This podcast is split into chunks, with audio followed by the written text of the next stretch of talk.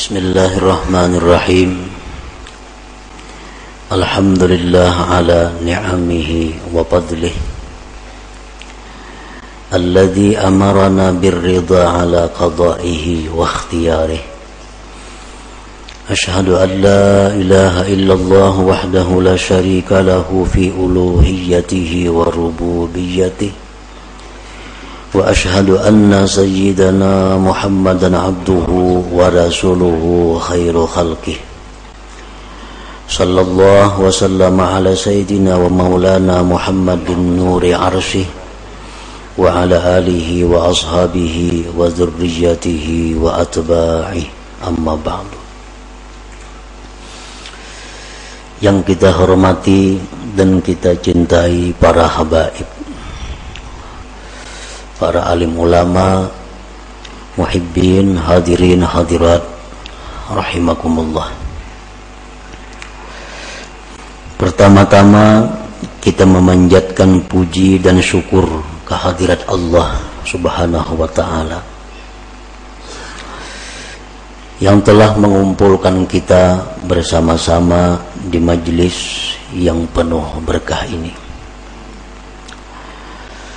dan semoga Allah selalu mengumpulkan kita di dalam tempat-tempat kebaikan dan takwa. Kemudian kita juga mengucapkan menghaturkan puji dan syukur kehadiran Allah Subhanahu wa taala yang mana sampai saat ini kita masih digolongkan dalam golongan orang-orang yang menuntut ilmu dan kita mohon doa kepada Allah agar sampai akhir hayat kita dimasukkan dalam golongan orang-orang yang menuntut ilmu. Salawat dan salam tidak lupa kita haturkan kepada junjungan kita Nabi besar Muhammad sallallahu alaihi wasallam dan kepada seluruh keluarga, para sahabat, zuriat dan pengikut beliau sampai hari kiamat nanti. Para muhibbin rahimakumullah. Al-hikmatu tasi'ata asyrata al hikamil ataiyah. Qala al-imam Ahmad ibn Ata'illah as-Sakandari rahimahullah wa nafa'ana bi ulumi. Hikmah yang ke-19 dari Al-Hikam berkata Al-Imam Ahmad bin Atta'illah As-Sakandari rahimahullah La tatlub minhu ayyukhrijaka min halatin liyasta'milaka fima siwaha Palau aradaka lasta'malaka min ghairi ikhraj.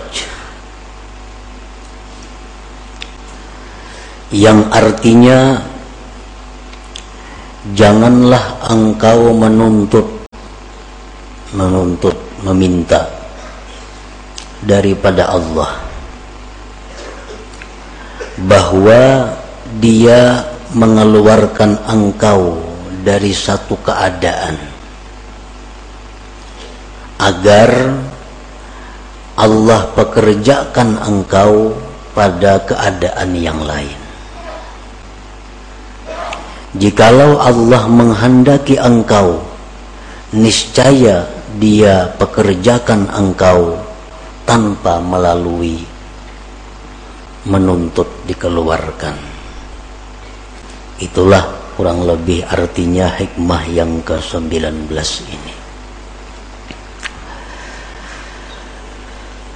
Adapun penjabarannya adalah idza kana al-mar'u ala halatin la tuwafiqu gharadahu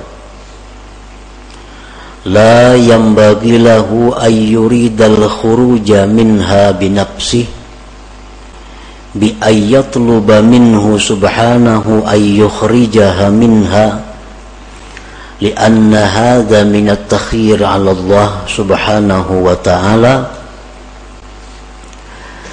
bal yanbaghi lahu husnul adab ma'ahu wa isaru muradihi ala ikhtiyarihi. Apabila adalah seorang hamba atas satu keadaan yang mana keadaan itu tidak sesuai dengan yang dimaksudnya apabila kita berada pada satu keadaan yang kada sesuai dengan keinginan kita. Maka tidaklah patut tidaklah layak bahwa menghendaki seorang hamba tadi keluar dari keadaan itu dengan dirinya sendiri dengan bahwa dia menuntut dari Allah bahwa Allah mengeluarkannya dari keadaan itu. Karena ini merupakan dikti atas Allah subhanahu wa ta'ala. Bahkan sayugianya semestinya bagi dia berbaik adab beserta Allah dan mengutamakan apa yang dikehendaki Allah atas pilihannya itu sendiri.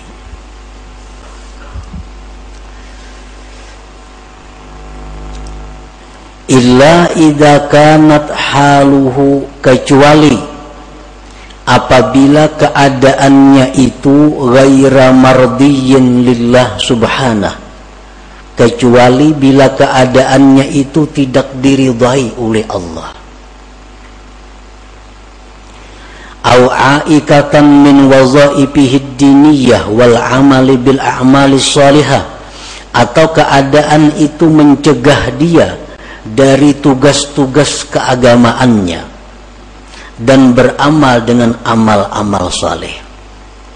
Maka boleh bagi dia meminta kepada Allah bahwa Allah keluarkan dia dari keadaan yang demikian itu bahwa min alamati ma'rifatil abdi bi rabbih subhanahu wa ta'ala maka itu merupakan tanda ma'rifatnya seorang hamba dengan Allah subhanahu wa ta'ala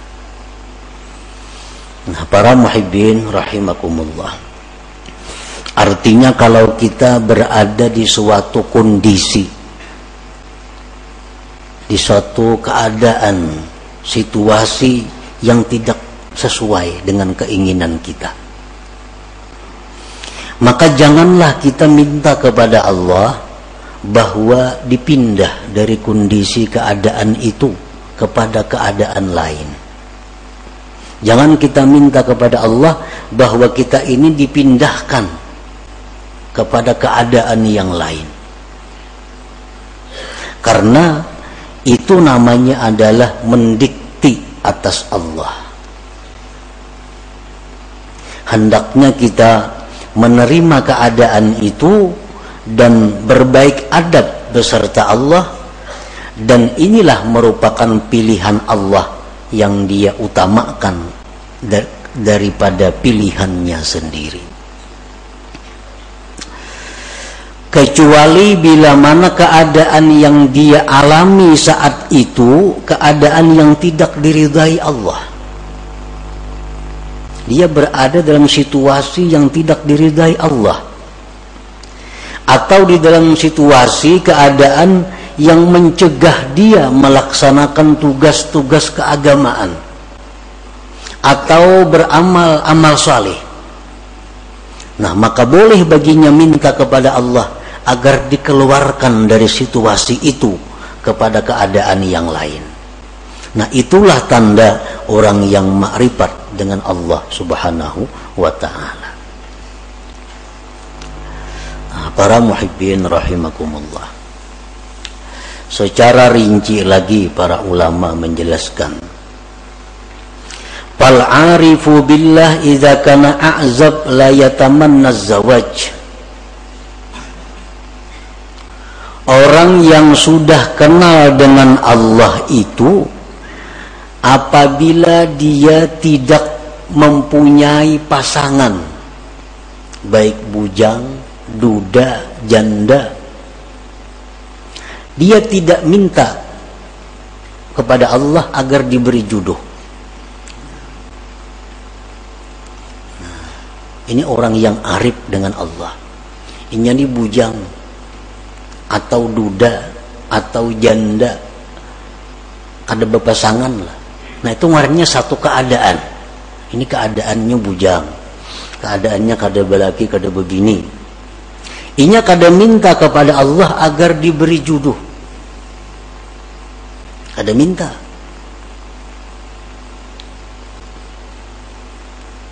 Bahkan dia kelola itu keadaan dengan adab yang baik beserta Allah Subhanahu wa taala. Artinya dia terima keadaan itu dengan baik dan dia menganggap inilah sudah pilihan Allah untuk diriku.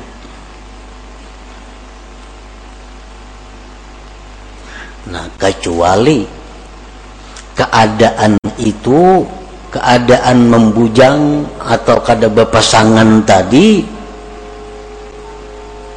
sudah mengganggu dia daripada ibadah kepada Allah. Sudah mengganggu dia untuk menjalankan tugas-tugas wirid-wiridnya.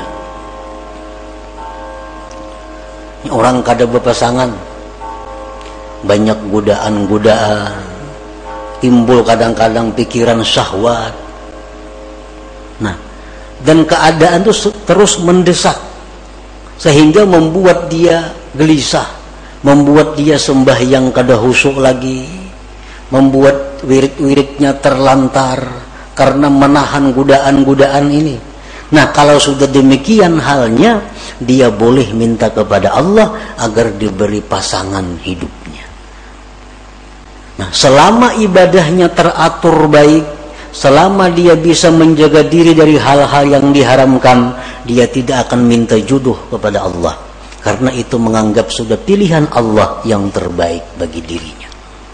Nah itu contoh orang bujang atau duda janda nang ma'rifat kepada Allah subhanahu wa ta'ala. Jadi kadang minta jodoh lawan Tuhan. Apalagi mencari jodoh manusia kasih situ kamari lawan Tuhan aja kada minta jodohnya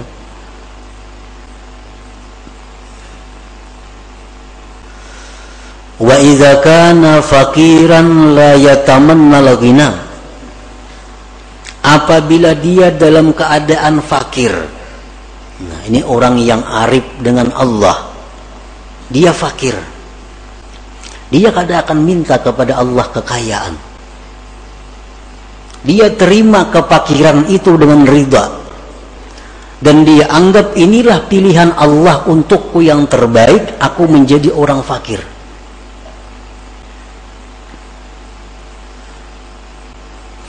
kecuali apabila sudah kepakiran itu membuat dia terganggu ibadah kepada Allah apabila kepakirannya itu sudah menghalanginya berbuat amal-amal yang saleh nah maka di saat itu dia bisa memohon kepada Allah agar dipindah daripada orang fakir menjadi orang yang berada atau orang kaya ini sudah fakirnya sudah sulit nih. Sudah kada bisa lagi beribadah kepada Allah. Nah sudah kada kawal lagi melaksanakan wirid-wiridnya. Sudah kada bisa lagi menuntut ilmu karena kada berduit. Menuntut ilmu perlu duit. Ini sudah kada berduit lagi. Menuntut ilmu kada kawal lagi. Pikiran kada karuan beribadah sudah kada nyaman lagi nah di saat itulah dia boleh mohon kepada Allah agar diberi kecukupan diberi Allah kekayaan. Selama kefakiran itu tidak menghalangi ibadahnya selama kefakiran itu tidak menghalangi wirid-wirid agamanya nah maka di saat itu dia riba dengan keadaan itu dan tidak minta agar dikayakan oleh Allah subhanahu wa ta'ala wa idha kana maridan layatamanna sihha. Apabila dia sakit dia tidak ingin sihat. Dia tidak ingin sihat. Ini sakit. Tapi dalam keadaan bisa melaksanakan tugas-tugas keagamaan bisa beramal saleh sakit ini tidak akan di, diusahakan untuk disembuhkan dan dia tidak akan minta kepada Allah kesembuhan. Tetapi kalau sakit ini sudah mengganggu nah tugas-tugas keagamaannya sakit ini sudah mengganggu wirid-wiridnya sakit ini sudah mengganggu menuntut ilmunya nah di saat itulah dia minta kepada Allah kesembuhan dan kesehatan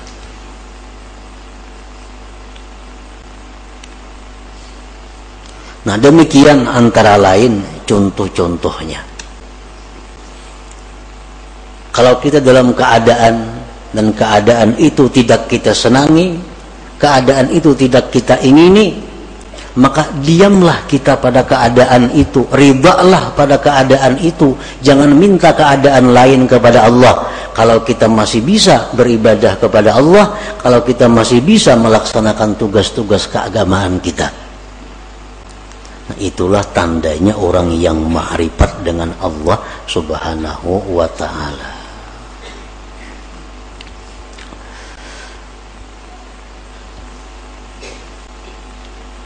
Wa idza kana mutazawwijan ghayatamanna al-firaq. Kalau dia ini berpasangan, kalau dia mempunyai suami, dia mempunyai istri, dia tidak akan minta bercerai kepada Allah. Selama dalam berpasangan itu tidak mengganggu ibadahnya kepada Allah selama tidak menghalangi untuk ketakwaan kepada Allah. Ini BIC bini nang sulit diurus. Ada kadang-kadang manusia diuji Tuhan dengan itu ada si bini-bini berisi laki nang susah nang sulit diurus. Nah ini satu keadaan. Selama keadaan itu tidak mengganggu ibadahnya kepada Allah selama keadaannya itu tidak mengganggu tugas-tugas keagamaannya dia tidak akan minta berpisah. Dia tidak akan minta bercerai karena riba dengan keadaan itu. Nah tetapi kalau keadaan seperti ini sudah membuat seorang istri menjadi durhaka, kalau keadaan ini sudah membuat seorang istri jadi berdosa, nah maka seorang istri ini boleh minta kepada Allah agar dicarikan jalan keluar untuk bercerai dengan suami itu. Nah demikian pula suami. Kalau sudah keadaan istri demikian, membuat suami ini maksiat kepada Allah, membuat suami ini kada bisa lagi beribadah karena bini macam-macam. Nah, di saat itulah suami minta kepada Allah diberi jalan keluar agar bisa bercerai dengan pasangan ini. Nah, para muhibbin rahimakumullah. Karena tidak sedikit seorang istri gara-gara suami dia menjadi maksiat kepada Allah dan tidak sedikit seorang suami gara-gara istri jadi maksiat kepada Allah. Dan ini sudah terjadi sejak zaman Rasulullah Sallallahu Alaihi Wasallam. Ada salah seorang sahabat yang begitu hendak mati kada bisa mengucap la ilaha illallah. Kenapa sebabnya? Oh ternyata si sahabat Nabi ini sering kali menyakiti hati ibunya gara-gara mengutamakan istrinya. Nah, ini istri yang membawa maksiat kepada Allah. Kalau kita sudah punya istri macam ini, hendak berbuat baik lawan ibu bapak, sari. Nah, hendak memberi kuitan, sari. Nah, ini membuat maksiat. Padahal kedudukan orang tua kita lebih utama daripada istri untuk seorang laki-laki untuk seorang laki-laki kedudukan orang tua lebih utama daripada istri. Kalau istri menghalangi demikian berarti ini istri membawa maksiat. Nah di saat itulah dia minta kepada Allah agar diberi jalan keluar untuk meninggalkan istri itu. Nah demikian pula istri. Ini suami menyuruh ikan pakai pakaian ini. Pakaian yang dilarang agama kada dituruti sari laki ini ikam mustika ini ikam mustika itu perintah-perintah laki ini bertentangan lawan agama. Nah, berarti ini ini istri dalam keadaan dalam keadaan yang tidak diridhai Allah. Kenapa? Karena menuruti laki jadi maksiat lawan Tuhan. Kadang menuruti sarik na laki. Nah, di saat itu seorang istri boleh minta kepada Allah agar diberi jalan keluar berpisah dengan suami suami itu. Nah, para muhibbin rahimakumullah.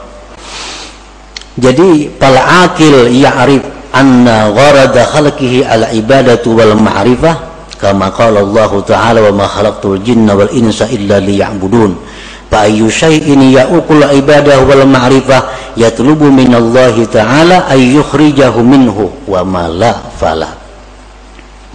Orang yang berakal dia mengetahui bahwa tujuan diciptakannya dia itu untuk ibadah Orang yang berakal itu mengetahui bahwa tujuan Allah menciptakan dirinya itu untuk mengabdi kepada Allah.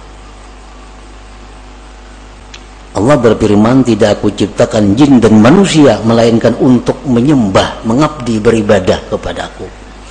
Nah maka sesuatu apa pun yang menghalangi ibadah dan ma'rifat maka dia akan minta kepada Allah dikeluarkan daripada keadaan itu.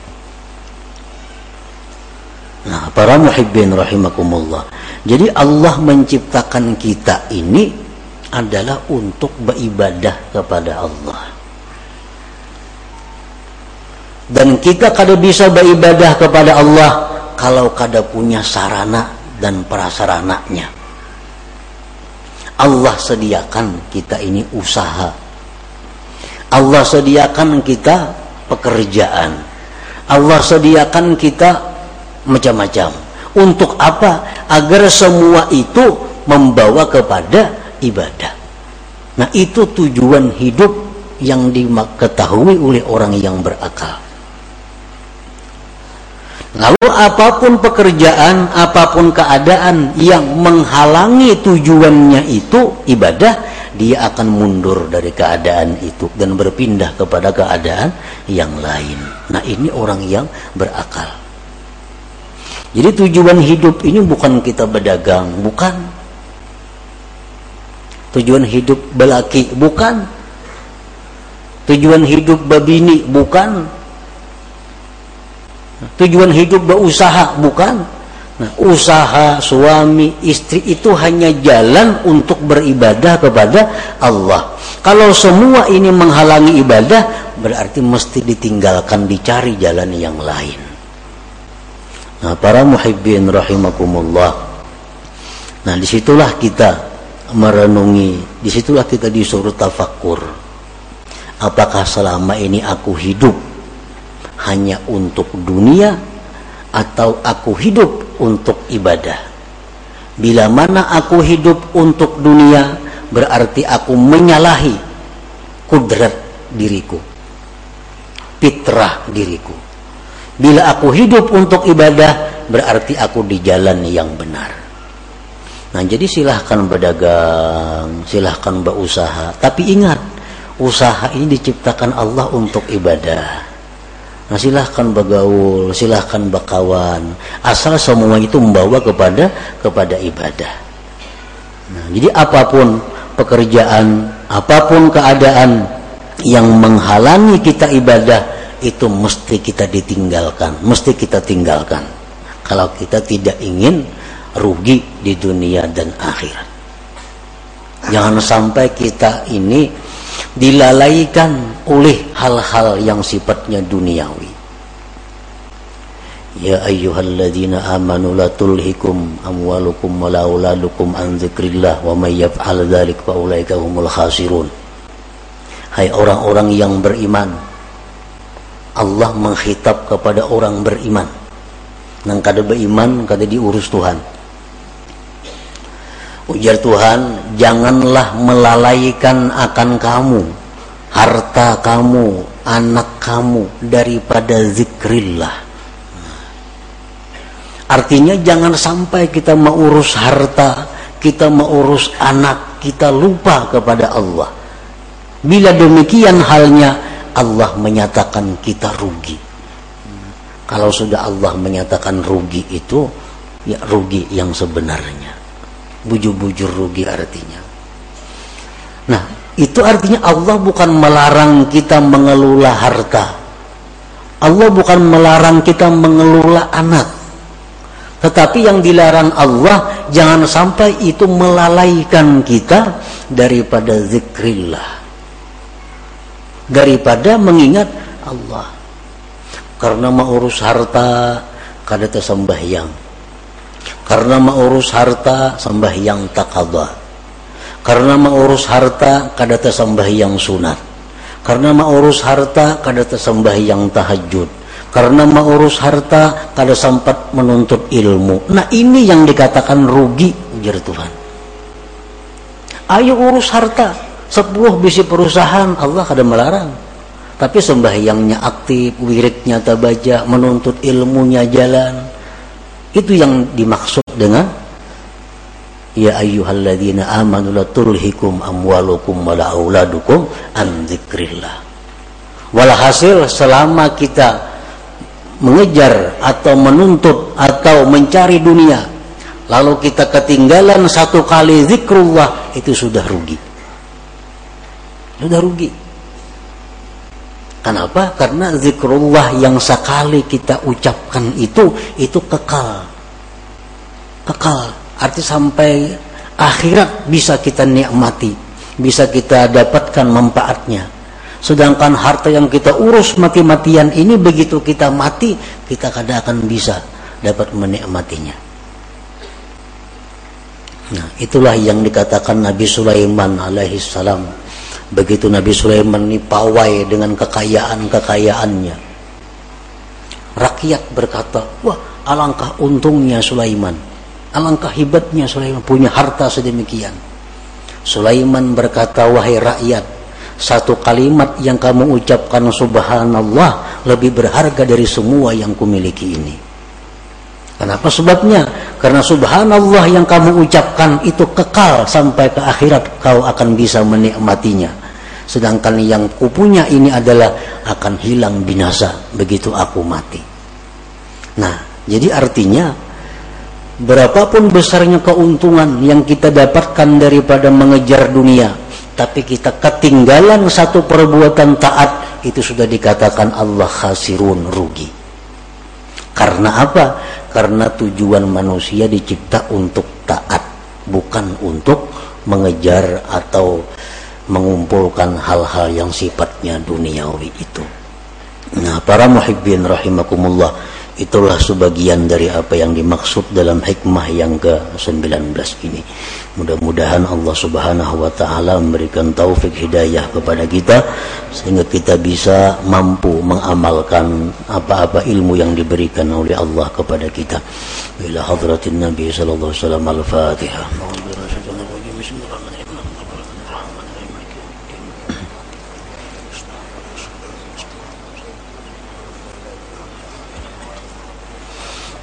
الله بها يا الله بها يا الله بحسن الخاتمة الله بها الله بها يا الله بحسن الخاتمة الله بها الله بها الله بحسن الخاتم.